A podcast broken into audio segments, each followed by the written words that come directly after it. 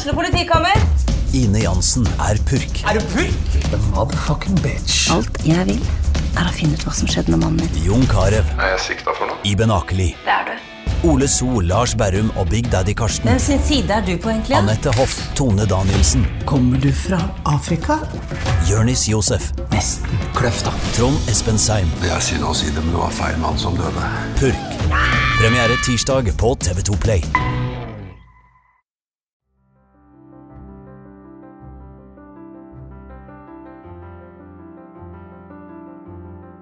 I dagens episode forteller Gunhild Salte Vagle helt ærlig om ADHD-diagnosen som hun fikk i voksen alder. ADHD kan være veldig forskjellig fra person til person, og i dag er jeg spent på å høre hvordan Gunhild har hatt det, og har det nå, med ADHD-diagnosen sin.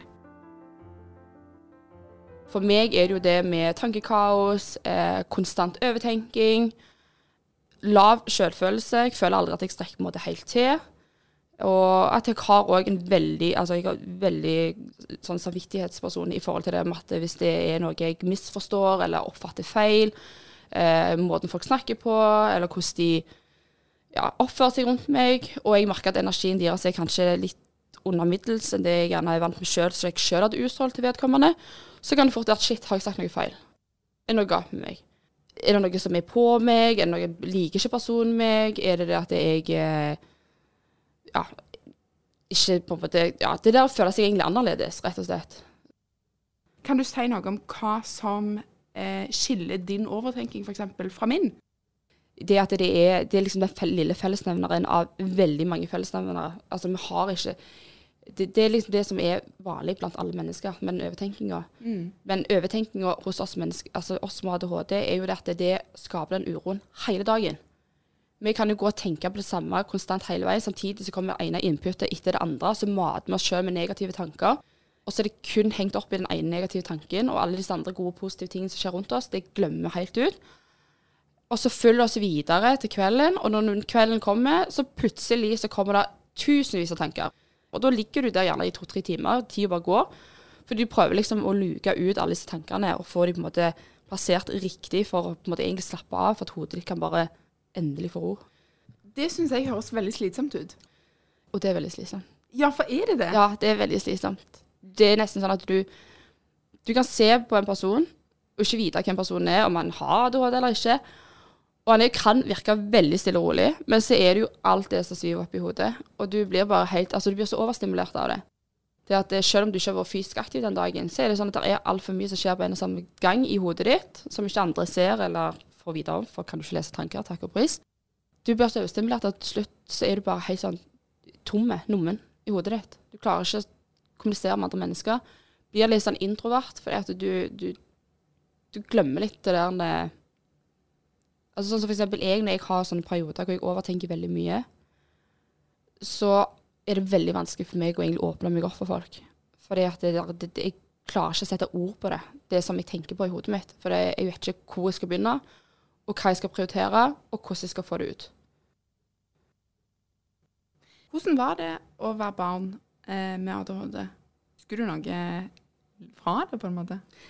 Ja, eh, jeg har vel kanskje hatt veldig høyt lavt hele barndommen. Eh, var alltid eventyrlysten. Spontan, impulsiv spesiell. Det var jo det å Som sagt, jeg har jo aldri vært ei jente-jente. Barbie var totalt uaktuelt for meg. Jeg hadde ikke tålmodighet til sånne ting. Eh, jeg var veldig friluftsmenneske, eller friluftsbarn. Vi var veldig mye på ski, gjorde mye aktiviteter. Friluftsaktiviteter, altså andre fysiske aktiviteter. Det å leke i skogen, leke med insekter, eh, gå og stikke Altså spesielt det å stikke av, der er det jo òg en ting. At jeg hele veien måtte teste grensene til foreldrene mine. Og det var vel det at jeg hele veien Det var så mye som skjedde rundt i verden, at jeg ville oppleve alt.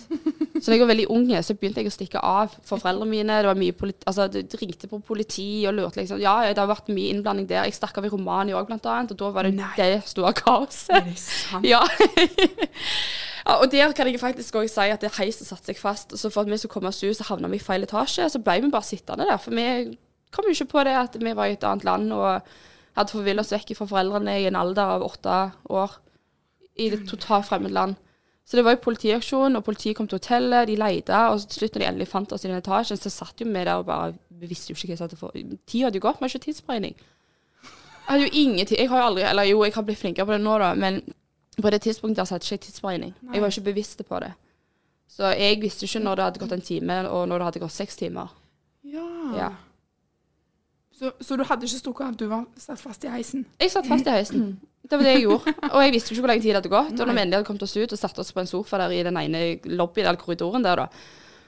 Så du hadde jo foreldre som var helt fortvila og livredde for hva har skjedd nå, hvor er de? Vi er ikke i Norge, vi har ikke den samme kontakt eller Helsesystemet, rettssystemet, hvor er de? Og du kunne stikke av ikke bare på ferie, men hjemme òg? Ja, altså det som er at jeg, eh, jeg begynte ganske tidlig med å stikke av, faktisk. Eh, far min han jobbet offshore eh, en periode da jeg var liten, og mor mi var hjemme alene med oss. Så kan jeg huske det var en gang mor var Jeg vet ikke om det var, jeg tror det var i forening hun var i, og så ville jeg så sykt sårt til mor mi, så jeg stakk ut med støvler i bleia og gikk langs gata i boligfeltet der som jeg oppvokste opp. Eh, og var på jakt etter mor, for jeg skulle hjem til mor. Det var hun jeg ville ha. Så naboen ble jo litt sånn Oi, shit, hva er dette her? Liksom, er det noe svikt i omsorgen her? Hva skjer? Eh, men så ble det jo sånn gjentatte ganger, da. Så når jeg skulle på overnatting til ei eh, barndomsvenninne av meg borte i nabolaget òg, så stakk jo jeg av midt på natta. For da ville ikke jeg sove der lenger. Og en tredje gang, eller en annen gang senere der igjen, så stakk jeg av Altså det er jo ca. Ja, si, tre-fire kilometer ned til sentrum av Ålgård, der som jeg er oppvokst. Eh, og den ene gangen så tok jeg faktisk med meg en venninne på eventyr. Og det ble ikke tatt så godt imot. Fordi da tok jeg henne med ned til E39. Ja. Og da gikk vi langs E39. eh, Var på eventyr langs hele Figgjoelva, gikk på kveldstid, koste oss. Jeg tenkte ikke konsekvenser av dette. Jeg skulle på eventyr. Hun ble jo dratt med fordi jeg påvirka henne. Og da var det òg litt eh, etterlysning etter oss eh, små unger. Og da var det jo ei mor til som da var fortvila. Det var ikke bare mine foreldre. Og det skaper jo en frykt og panikk hos foreldre òg, med tanke på at du har eh, dessverre ikke den kontrollen på barnet ditt som du gjerne trodde. Eh, og det er litt det der hele veien å streve Du vil liksom Det er så mye lyder, det er så mye ting å se på, du blir så nysgjerrig. Og for at du skal oppleve det, så vet du at det eneste måten å gjøre det på, er uten foreldrene dine. For de sier jo nei, du må ikke det. Nei, du kan ikke gjøre det. Nei, du kan heller ikke gjøre det.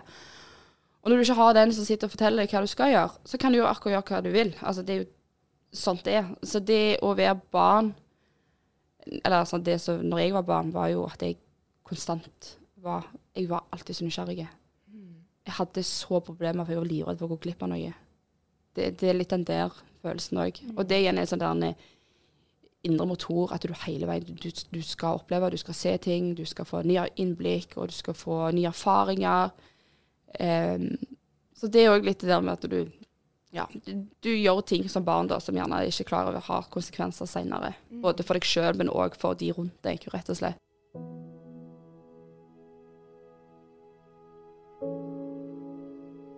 Eh, du sa tidligere når vi snakket eh, før vi trykte på play, at, eh, at du og foreldrene dine prøvde å få deg diagnostisert eh, når du var liten. Ja.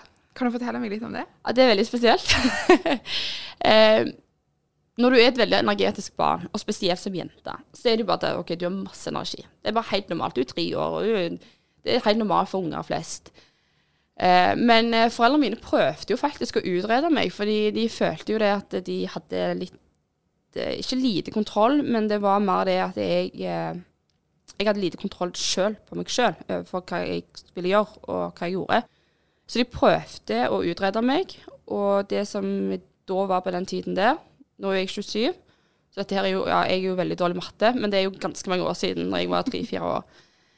Det de ikke tok tak i da, det var jo at før så var det veldig sett på som at hvis du har ADHD, så har du òg da dessverre eh, si, en hjerneskade. For det var jo det det ofte ble definert som før. At du var liksom Ja. At du var utilregnelig for samfunnet. Ikke på sånn en kriminell måte, men uh, du bare passet ikke inn. Og det igjen koster jo altså, koster staten, samfunnet, mye penger. Så da ble jeg på en måte Altså, de avslo at jeg hadde ADHD, fordi jeg hadde ikke noe hjerneskade. Påført under fødsel under svangerskapet og alle disse tingene her. Så eh, da måtte jeg bare leve videre med å føle meg annerledes i mange, mange år. For jeg ble utreda i voksen alder. Men hvordan var det da, når du hadde vært til utredning, og det ble konstatert at nei, nei, Gunhild har ikke ADHD, og så skal du tilbake i liksom, samfunnet, og skole og barnehage og leve som normalt siden du ikke har ADHD. Jeg vil kalle det at det var mange år med identitetskrise, for å si det rett ut. For eh, jeg følte ikke jeg hadde en tilhørighet noen plass, eh, verken i klasserommet. Prøvde å streite hele veien med å passe inn i ulike idrett. Altså, jeg prøvde jo alt mulig, for jeg tenkte kanskje det liker jeg, kanskje det liker jeg, der passer jeg inn, der er det normale mennesker. Og det var jo det at jeg konstant hadde den indre uroen og frykten for å ikke bli akseptert. Fordi jeg klarte ikke å levere i skolen. Og det jeg sa, jeg beklager lærere så hører dette, jeg juksa på veldig mange prøver. jeg gjorde det, den ærlige sak. Jeg. Altså ikke alt. Jeg, det er mer det der at når det er fag du ikke interesserer deg for, så har du ikke sjans du, du, Med ADHD så klarer du ikke å bli interessert i det heller. Du strever hele veien for å bli interessert og tenker at dette skal jeg få til, dette skal jeg klare. Men det er liksom Det er ikke like lett for oss. Men når jeg begynte på videregående derimot, og jeg gikk helse og sosial, så var det jo tema som jeg engasjerte meg for, og som jeg interesserte meg i. Og da klarte jeg, var det sånn Wow, dette var helt ny verden. Jeg jukser ikke på prøver. Dette var gøy. Dette var lærerikt. For du får det der Når du har ADHD, så er det det der Du får det der hyperfokuset. Og da er det enten å levere 100% eller ingenting. Mm. Og akkurat med helse sosial, der klarte jeg å levere 100% Ja, når jeg, leverte, når jeg faktisk fikk dårlige karakterer, så gikk det veldig inn på meg. For det var sånn, jeg genuint interesserer meg for dette. Matte, samfunnsfag, naturfag norsk. Altså, vi snakker norsk, lærer norsk. Det, I mitt hode var det bare sånn Hvorfor i all verden skal vi lære dette? Vi har jo norsk vi snakker, det er jo morsmålet vårt. Mm. Hvorfor skal vi lære om essay og skrive stil og eventyr og alle Altså, eventyr var jo veldig gøy, da. Der syns jeg det var kjekt. For da kunne ja. jeg være kreativ. Da kunne jeg bruke den fantasifulle hjernen jeg har. Eh, men ellers så var alle fag totalt uaktuelle for meg. Og det samme var jo det der med at eh, jeg ble jo kanskje litt mer utsatt òg for at jeg sa veldig mye rare ting i og med at jeg hadde så mye fantasi i hodet mitt. Og det ble ikke alltid tatt godt imot av medelevene mine. Altså Der kom det jo liksom mobbing og arting innimellom for at jeg, jeg sa mye rart som jeg egentlig ikke mente var virkelig. Jeg hadde veldig mye fantasi. Eh, jeg kunne se filmer, og så ville jeg snakke uttrykket uttrykke om filmer, for jeg drømte om filmene. Og da kunne jeg fortelle gjerne medelever om eh, opplevelser jeg hadde hatt, men jeg klarte ikke å formidle det som om at det var en drøm. Så de oppfatta det som at jeg mente at dette skjedde i virkeligheten. Eh, noe jeg da dessverre igjen, for jeg er veldig dårlig til å altså formulere meg på ulike ting. at når jeg først vil fortelle noe og engasjerer meg veldig, så blir det jo at jeg får input alle retninger. Og det oppfatter jo ofte medlever som at å herregud, hun går og lyver hele tida og sier så mye tull og sier bare masse rare ting og fantasier og alt det der. Og da ble det liksom et sånt tema på skolen, iallfall på barneskolen, hvor jeg ble på en måte litt ekskludert fordi at jeg hva skal jeg si, jeg, Det var litt med det der med at jeg, jeg sa mye rare ting. Fordi at jeg tenkte å, jeg må jo være klovn. Jeg må liksom føre til en samtale, gjøre noe gøy ut av det. Fordi jeg var ikke som alle andre. Og det er da mobbinga kom fram med at det, ja, det var, det var, en ganske tøff periode noen av de årene. Og, og det, av vel og merke grunn så tok jeg mer til med kritikk enn jeg fikk det for guttene. Fordi jeg var jo aldri jentejente. Når guttene begynte å ta tak i det og så nevne det for meg, og liksom sånn, Gunhild, du sier så mye teite ting og rare ting og det der, så gikk det mer innpå meg til at da begynte jeg å bli sånn OK, nå må jeg faktisk holde igjen. Nå må jeg begynne å shutte down mine følelser og tanker. Eh, og de årene da videre gjorde jo at jeg holdt veldig mye inne.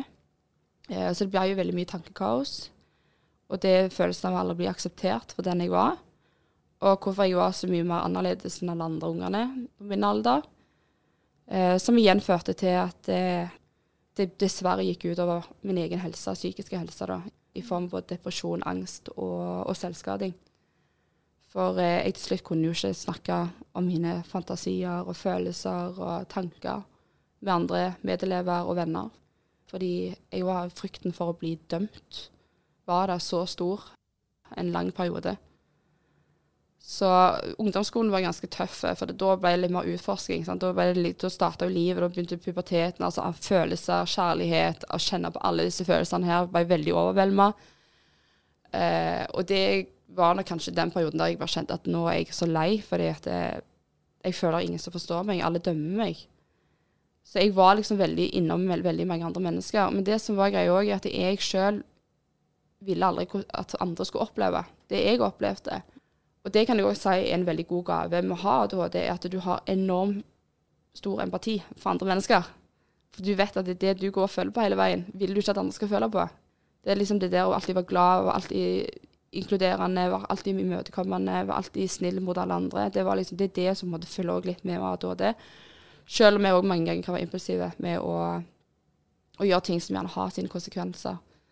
Men eh, i den perioden der så var det litt mer det å hele veien streve med å gjøre alle andre glad. Selv om du innerst inne hadde det veldig vondt sjøl. Hvordan var det? Det var ganske tungt. Det var veldig tungt. For du hadde så inderlig lyst til å fortelle folk hvordan du egentlig følte det. Men eh, du var jo vant med på barneskolen at folk ikke forsto deg. Så hvorfor skulle folk begynne å forstå deg da i, på ungdomsskolen? Så det ble til at du kaster på deg ei maske og går rundt og bare er den der klovnen og glad og lykkelig og inkluderer alle og gir komplimenter til folk rundt deg som du òg ikke kjenner. Fordi du har så lyst til å bli sett sjøl. Og på den tida der så var det det at du bare fikk heller det der 'Å, hun er alltid så god og snill mot alle andre', og alle disse tingene her. Og det var jo det jeg ville føle. Det var jo det jeg ville at folk skulle se meg for. Men selv om det ga meg den bekreftelsen på at OK, de liker meg for den iallfall, så skal jeg bare holde den. Og da var det ikke aktuelt for meg engang å snakke om disse følelsene jeg sjøl holdt på og bærte på. Det høres veldig ensomt ut, og trist egentlig. Jeg syns det er vondt å høre på. Ja, det er, det er litt av forsvarsmekanismen bygger seg opp når man underkuer sine egne følelser. Fordi det blir ikke akseptert i samfunnet, hvordan du føler og tenker rundt ting. Og da blir det til at du blir rett og slett litt til slutt Du, du bare aksepterer at du står alene i vanskelige situasjoner. Og det igjen fører jo til sine konsekvenser i voksen alder òg, at du har veldig lett for å jobbe med dine egne problemer alene. Så du involverer aldri folk når du har det faktisk tøft. Mm. Og det kan jo òg bli en belastning da, etter hvert, for det kan jo føre med seg andre tilleggssymptomer i forhold til med depresjon, angst og disse tingene her.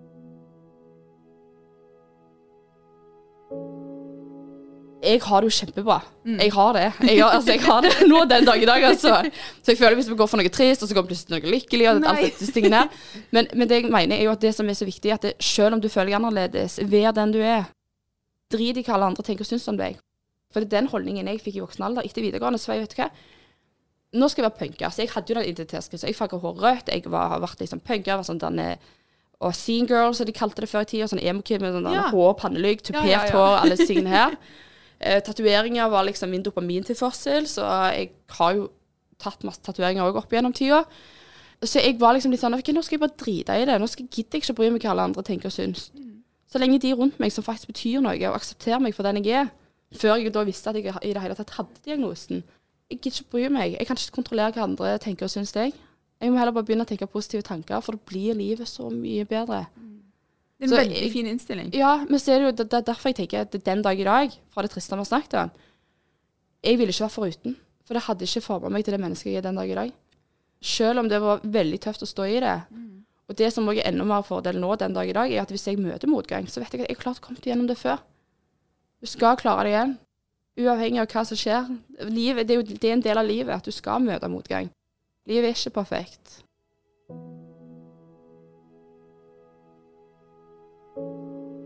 Når ble du diagnostisert, og hvordan gikk du fram? Eh, grunnen til at jeg ville utrede meg selv i voksen alder, var fordi jeg har som sagt alltid følt meg annerledes. Og mye av den tyngden fra tenårene og barndommen kom veldig mer fram i voksen alder. Jeg begynte å tvile på meg selv og hva hensikten jeg hadde for resten av verden og vennene rundt meg. Og jeg fikk eh, behandling for PTSD for noen år siden. Og etter jeg fikk behandling for det, og hjelpa for det, så ble jeg på en måte friskmeldt eh, fra PTSD-en. Men desto eldre jeg ble, når jeg var sånn 24-25, så merka jeg at det, OK, kanskje ikke jeg er behandla for det, fordi nå får jo jeg input fra mye annet igjen.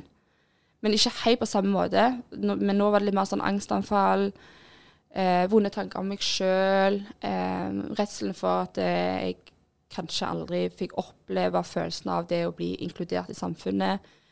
Eh, at venner og familie så meg for den jeg egentlig er, og at jeg egentlig bare vil alle rundt meg godt. For eh, jeg hele veien fikk det input av at jeg, ja, jeg var alltid feilen til alle problemer, for å si det på den måten. da. Så jeg tok kontakt med legen eh, og bare formidla meg og sa rett ut at vet du hva, jeg er nødt å få en forklaring på hva som er galt med meg.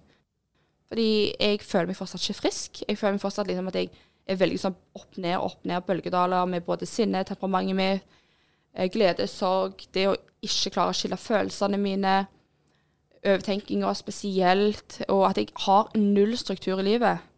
Hvorfor er jeg sånn som jeg er? Jeg trenger liksom hjelp, for jeg, nå er jeg så utmatta, jeg er så lei, jeg er så redd for å gå på veggen, bli utslitt av jobb. Når jobb egentlig alltid har vært utflukt, altså flukten fra virkeligheten. Mm. Og det er der jeg har alltid funka. Og jeg var så redd for at det skulle gå utover jobb. Og jeg ville jo ikke miste jobben. Jobben betyr alt for meg.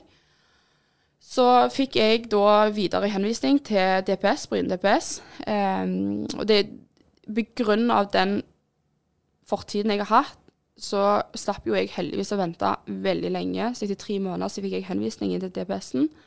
Fikk til altså, en psykolog som jeg gikk inn til samtale med. Og ja, den kartleggingsprosessen var ganske lang. Ja. Men det som var så godt, var at du kom til en dag der du skulle ha med en forelder. Så jeg tok med mora mi. Så hun kunne liksom fortelle litt om barndommen min, da. Eh, For det er jo mye av det jeg har fortrengt. Jeg husker jo ikke alltid fra barndommen. Jeg jo, har jo gullfiskhukommelse. Helt ærlig. Eh, Det er bare når folk spør, de stiller meg de riktige spørsmålene spør meg ting, så bare Å ja, stemmer det. Var det og det, ja. ja. Eh, Så hun var med meg inn, og da var det liksom sånn Jeg så liksom hele psykologen, han bare at dette er soleklart ADHD, altså. Det, er- det er ingen tvil om det. Og det som er veldig morsomt opp, altså oppi alt dette her, er jo at nevøen min fikk jo diagnosen ADHD ganske tidlig. Og etter han fikk diagnosen, så var liksom alle rundt meg sånn at vet du hva, Gunnhild, han er liksom deg i ung alder. Det er ingen tvil om at du har ADHD. Så det òg satte jo litt press på at ok, nå må jeg faktisk bare komme meg inn og finne ut av om det er om det er ADHD, eller om jeg bare er gal. eller hva er det for noe, liksom? Hva er galt med meg? Eh, og jeg, den lettelsen Altså, jeg husker jeg bare begynte å grine av glede eh, når han sa at ja, nå vi kom fram til at det, det er ADHD, hyperaktivitet. Og jeg bare Herre min. Det forklarer alt. Hvorfor min reaksjon har vært sånn hele tenårene, hele oppveksten min. Altså, puslespillet bare ble satt til et stort bilde. Og nå kunne jeg liksom endelig bare tenke OK, nå skal jeg faktisk bare være meg sjøl. Så enten får folk like meg for den jeg er, eller så får de bare ikke ha noe med meg å gjøre. Enkelt og greit. For eh, da var jeg litt sånn at nå, nå gidder jeg ikke å bry meg om hva jeg sier i form av min fantasi og tanker og følelser. Det er liksom enten-eller. Jeg er enten 100% eller ingenting. Og hvis folk ikke aksepterer meg for den, de er, den jeg er, så har ikke jeg, gidder ikke jeg å bruke energi og tid på det. Sånn er det. Enkelt og greit. Det høres veldig digg ut å få den diagnosen. Ja, det gjorde Det har gjort livet mye lettere. Uten tvil. Selv om det har jo hatt sine konsekvenser tidligere, men jeg er så glad for alt som egentlig har skjedd. For uh, igjen, det er Det hadde ikke Da hadde ikke det livet jeg har den dag i dag, vært der. Hvis jeg hadde vært foruten alt jeg har opplevd opp igjennom. Har du fått noen medisiner for ADHD? Ja, jeg eh, fikk prøve ut eh, Ritalin. Og igjen, jeg eh, Eller jeg går ikke på det nå. Jeg gikk på det. Ja. Eh, og fordi jeg slutta med det, var fordi jeg har funnet ut at det, Ritalinen med meg igjen For medisinene virker jo veldig forskjellig fra person til person. Og hos meg så var det det at det, det drepte litt av personligheten min, rett og slett. Jeg ble veldig apatisk eh, en periode hvis jeg gikk for lenge på Ritalin. Og det kan sikkert veldig mange også kjenne seg igjen i, at de mister en del av personligheten. For jeg har hørt om flere som har måttet kutte ut medisiner, altså om det ikke er Ritalin, men andre ADHD-medisiner, fordi blir, de blir fratatt den personligheten, den personen de egentlig er. Eh, og det er jo òg sånn i et eksperiment i seg sjøl, er jo heller å bevisstgjøre seg sjøl på de symptomene du har uten medisiner, og heller prøve å fungere optimalt og bra i samfunnet den dag i dag uten medisiner, var best for meg, da. Det er jo ikke sikkert det er best for alle.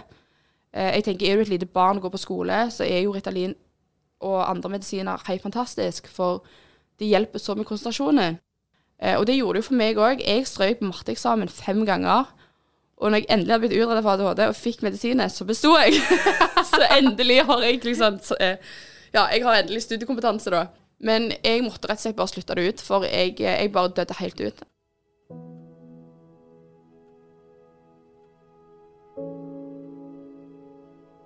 Tenker du at det er en styrke eller en svakhet å ha ADHD i livet ditt? Styrke. Definitivt styrke. Eh, det er, der er så mange gode sider med ADHD. Den kreative delen, det hyperfokuset når det første er virkelig på. Eh, det er altså Jeg vil si det er mer styrke enn svakhet. Det er jo mange som tenker at å, har du ADHD, så er du liksom altså, da har du problemer, du er Ja. Hva skal jeg si? At du, du bare er et problem for samfunnet. Og det mener jeg overhodet ikke er et aktuelt tema i det hele tatt, for det er vi ikke. Det er den der empati og forståelse for andre, det å kunne tilpasse seg ulike situasjoner. Det er vi veldig flinke på, mener jeg iallfall. Men det er nok det der med at vi er Ja, hva skal jeg si. Det er jo på en måte fordeler og ulemper. Det er det jo med alt, uansett om det er en diagnose eller noe, noe som helst. Men jeg vil si at for samfunnet så er det en styrke å ha ADHD. Det er nytenking, fantasien, fantasien vi har. Empatien og forståelsen, rett og slett òg, med å være medmenneskelige og det er det jeg prøver å lære nevøene mine òg. Selv om du har ADHD, så er du kul. Da blir du sånn som tante. Og da blir jo de helt sånn og da, da merker jeg sjøl òg at okay, nå må jeg faktisk være en god person med ADHD òg. For nå har jeg på en måte bygd opp forventningene til disse. Og det er jo det at jeg vil normalisere det. Jeg vil at det skal være en styrke, ikke en, eh, en svakhet i samfunnet. Altså Den dag i dag så vil jeg aldri være foruten alt jeg har vært igjennom. Både på godt og vondt. For eh, det hadde aldri formet meg til det mennesket jeg er den dag i dag. Og det har styrka meg på så mange områder.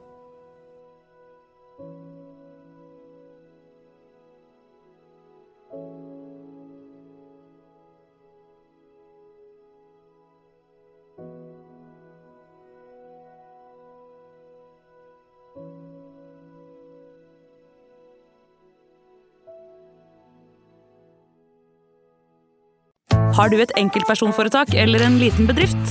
Da er du sikkert lei av å høre meg snakke om hvor enkelt det er med kvitteringer og bilag i fiken, så vi eh, gir oss her, vi. Fordi vi liker enkelt. Fiken superenkelt regnskap.